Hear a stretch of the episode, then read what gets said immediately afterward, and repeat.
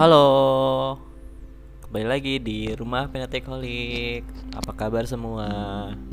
Maaf ya, udah sekian lamanya gak siaran podcast karena ada suatu hal yang banyak banget harus dikerjain. ya, salah satunya ikut-ikut kelas podcast ya biar menambah menambah kualitas pada saat siaran kali ya. Oke, kabar pendengar-pendengar podcast gue baik-baik aja kan? Semoga selalu diberikan kesehatan ya. Jangan lupa ke mana-mana harus pakai protokol kesehatan, jaga kesehatan kalian, jaga imun kalian.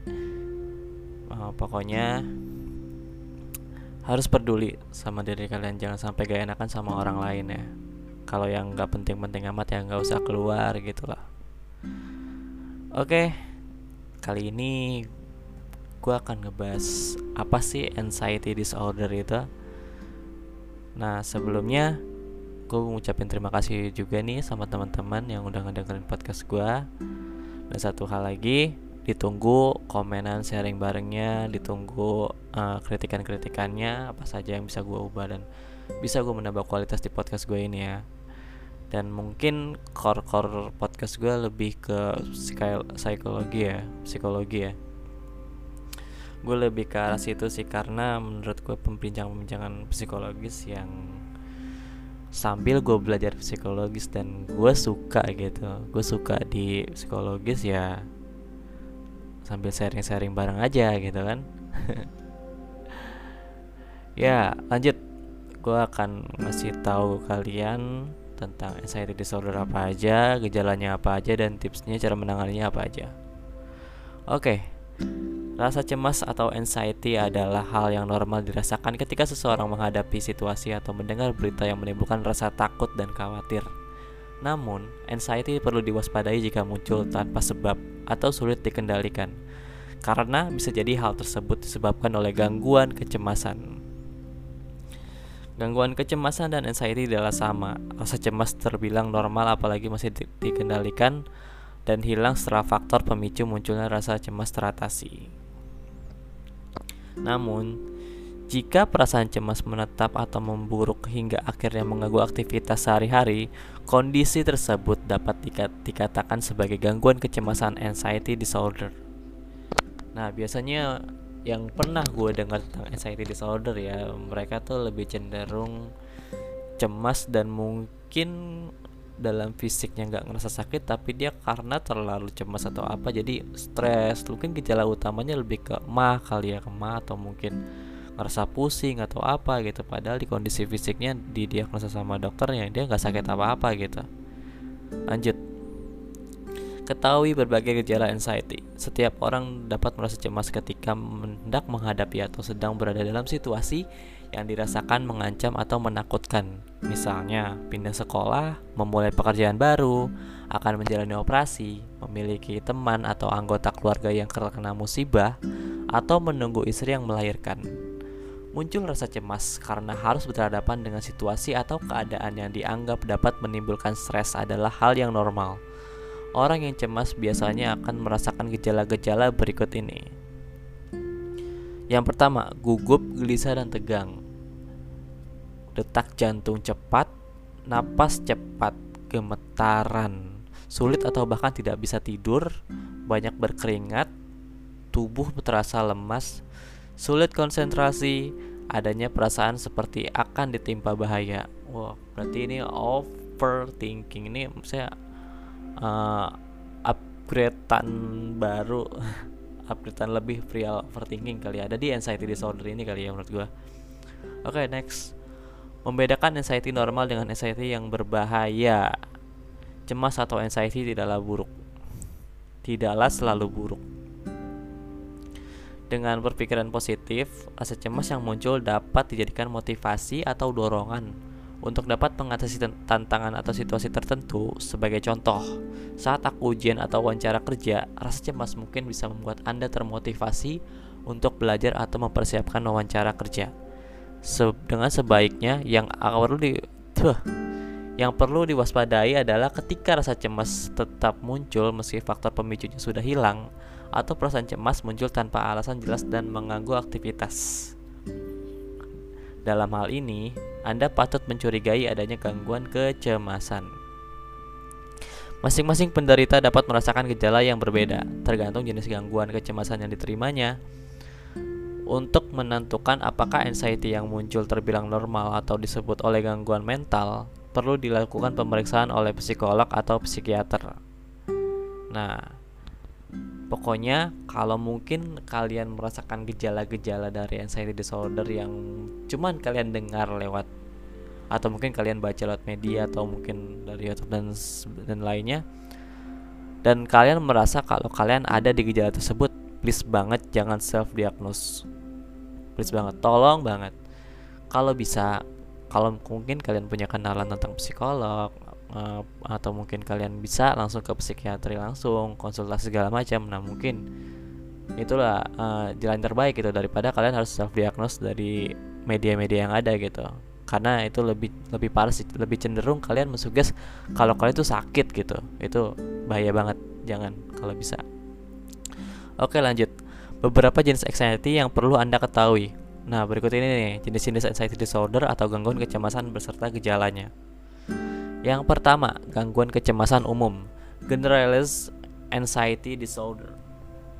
Seseorang yang menderita gangguan kecemasan umum bisa merasa cemas atau khawatir secara berlebihan terhadap berbagai hal, mulai dari pekerjaan, kesehatan, hingga hal-hal yang disederhana seperti berinteraksi dengan seorang lain. Anxiety yang muncul akibat gangguan kecemasan umum bisa dirasa, dirasakan setiap hari dan menetap hingga lebih dari enam bulan. Lama juga ya. Akibatnya, penderita gangguan kecemasan ini akan menjadi sulit menjalani aktivitas dan pekerjaan sehari-hari. Selain munculnya rasa cemas yang mengganggu, penderita gangguan kecemasan umum juga dapat merasa cepat lelah, tegang, mual, sakit kepala, sulit berkonsentrasi, sesak, dan insomnia. Yang kedua, dari fobia. Fobia merupakan jenis gangguan anxiety yang membuat penderita memiliki rasa takut yang berlebihan dan cenderung tidak rasional terhadap suatu benda, binatang, dan atau situasi tertentu yang tidak menimbulkan rasa takut pada kebanyakan orang. Orang yang memiliki fobia biasanya mengalami sering panik atau rasa takut yang hebat ketika melihat sesuatu, benda, atau berada di tempat yang menjadi pemicu fobia. Misalnya laba-laba, darah, berada di tengah keramaian, tempat yang gelap, tempat tinggi, atau ruang tertutup. Oleh karena itu, penderita fobia biasanya akan melakukan segalanya upaya untuk menjauhkan dirinya dari hal situasi yang ia takuti. Gangguan kecemasan yang ketiga nih ya, gangguan kecemasan sosial. Penderita gangguan kecemasan sosial atau dikenal juga fobia sosial memiliki kecemasan atau ketakutan yang luar biasa terhadap lingkungan sosial atau situasi di mana mereka harus berinteraksi dengan orang lain.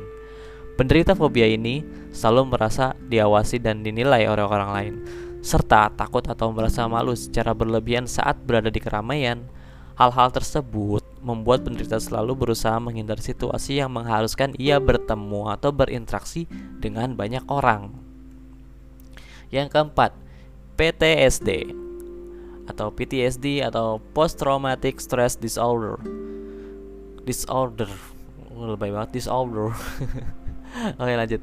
Gangguan stres pasca trauma atau PTSD dapat muncul pada seseorang yang pernah mengalami kejadian traumatis atau berada di situasi berbahaya yang mengancam nyawanya. Contohnya, tinggal di daerah konflik atau perang, terkena bencana alam, atau berkorban bencana kekerasan. Orang yang menderita PTSD sering kali susah untuk melupakan pengalaman traumatisnya, baik terlintas dalam benak atau saat bermimpi, yang kemudian membuatnya merasa bersalah, terisolasi, dan sulit bersosialisasi dengan orang lain. Terkadang orang yang memiliki PTSD juga ada juga bisa mengalami insomnia dan bahkan depresi. Yang kelima, gangguan panik. Mungkin Anda pernah merasa panik saat mendapatkan berita mengejutkan. Misalnya, saat ada anggota keluarga atau kerabat dekat yang terkena musibah, namun hal tersebut normal Anda alami, berbeda dengan penderita gangguan panik yang bisa merasa takut atau panik tanpa alasan yang jelas. Anxiety dan serangan panik akibat gangguan ini dapat muncul kapan saja. dan terjadi secara tiba-tiba atau berulang.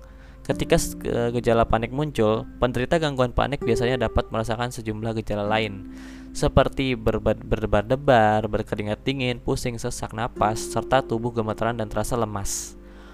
Orang dengan gangguan panik tidak dapat memprediksi kapan gangguan tersebut akan muncul atau apa pemicunya. Oleh karena itu, tak sedikit penderita gangguan panik yang menjauhkan dari diri lingkungan sosial karena takut serangan paniknya kambuh di tempat umum. Lanjut yang keenam, gangguan obsesif atau kompulsif. OCD. Orang yang menderita gangguan OCD memiliki kecenderungan untuk melakukan sesuatu secara berulang-ulang untuk meringankan rasa cemas yang berasal dari pikirannya sendiri. Contohnya, mencuci tangan harus sebanyak tiga kali karena ia berpikir tangannya masih kotor. Gangguan ini dikendalikan bersifat menetap dan dapat kambuh kapan saja sehingga membuat penderita terganggu untuk melakukan aktivitas sehari-hari. Nah, ini tips-tips Cara mengatasi anxiety ya. Untuk meredakan atau mencegah munculnya perasaan cemas, Anda dapat melakukan beberapa cara berikut. Yang pertama, mencukupi waktu tidur dan istirahat. Yang kedua, membatasi konsumen kafein dan minuman beralkohol. Ketiga, mengurangi stres dengan mencoba teknik relaksasi, misalnya meditasi dan yoga. Yang keempat, melakukan aktivitas fisik atau berolahraga secara teratur. Dan yang kelima, mencoba bertukar pikiran atau curhat dengan teman. Jika cara-cara di atas sudah dilakukan dan faktor pemicu anxiety juga uh, sudah teratasi namun rasa cemas belum hilang. Sebaiknya konsultasi ke psikiater. Jangan self diagnose untuk menentukan penyebab dan jenis gangguan kecemasan yang Anda alami psikiater akan melakukan pemeriksaan psikologis. Apabila hasil pemeriksaan tersebut menunjukkan bahwa Anda mengalami gangguan kecemasan psikiater akan mengatasi anxiety yang Anda rasakan dengan psikoterapi dan konseling serta pemberian obat penenang bila memang dibutuhkan.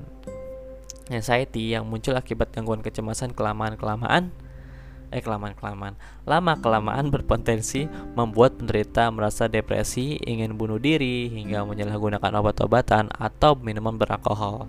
Oleh karena itu, jika Anda mengalaminya, segeralah berkonsultasi ke psikiater. Nah, ditinjau dari Dr. Kevin Adrian Nah, itu berikut artikel tentang anxiety disorder ya. Oke, uh, cukup episode kali ini. Semoga bermanfaat. Semoga kalian selalu sehat selalu. Semoga kalian gak punya sama sekali sakit mental, sakit secara kejiwaan. Pokoknya hal-hal yang membuat kalian senang, benar-benar senang lakukan itu meskipun cara-caranya sederhana dan gak harus mahal dan gak harus ke mana-mana pokoknya coba cintai diri kalian sendiri karena pemeran utama skenario Tuhan yaitu kalian gitu. Kalian harus bisa menspesialiti diri sendiri oke? Okay? thank you banget yang udah mau dengerin. Semoga bermanfaat. Sampai di sampai jumpa di podcast berikutnya ya. Bye bye see you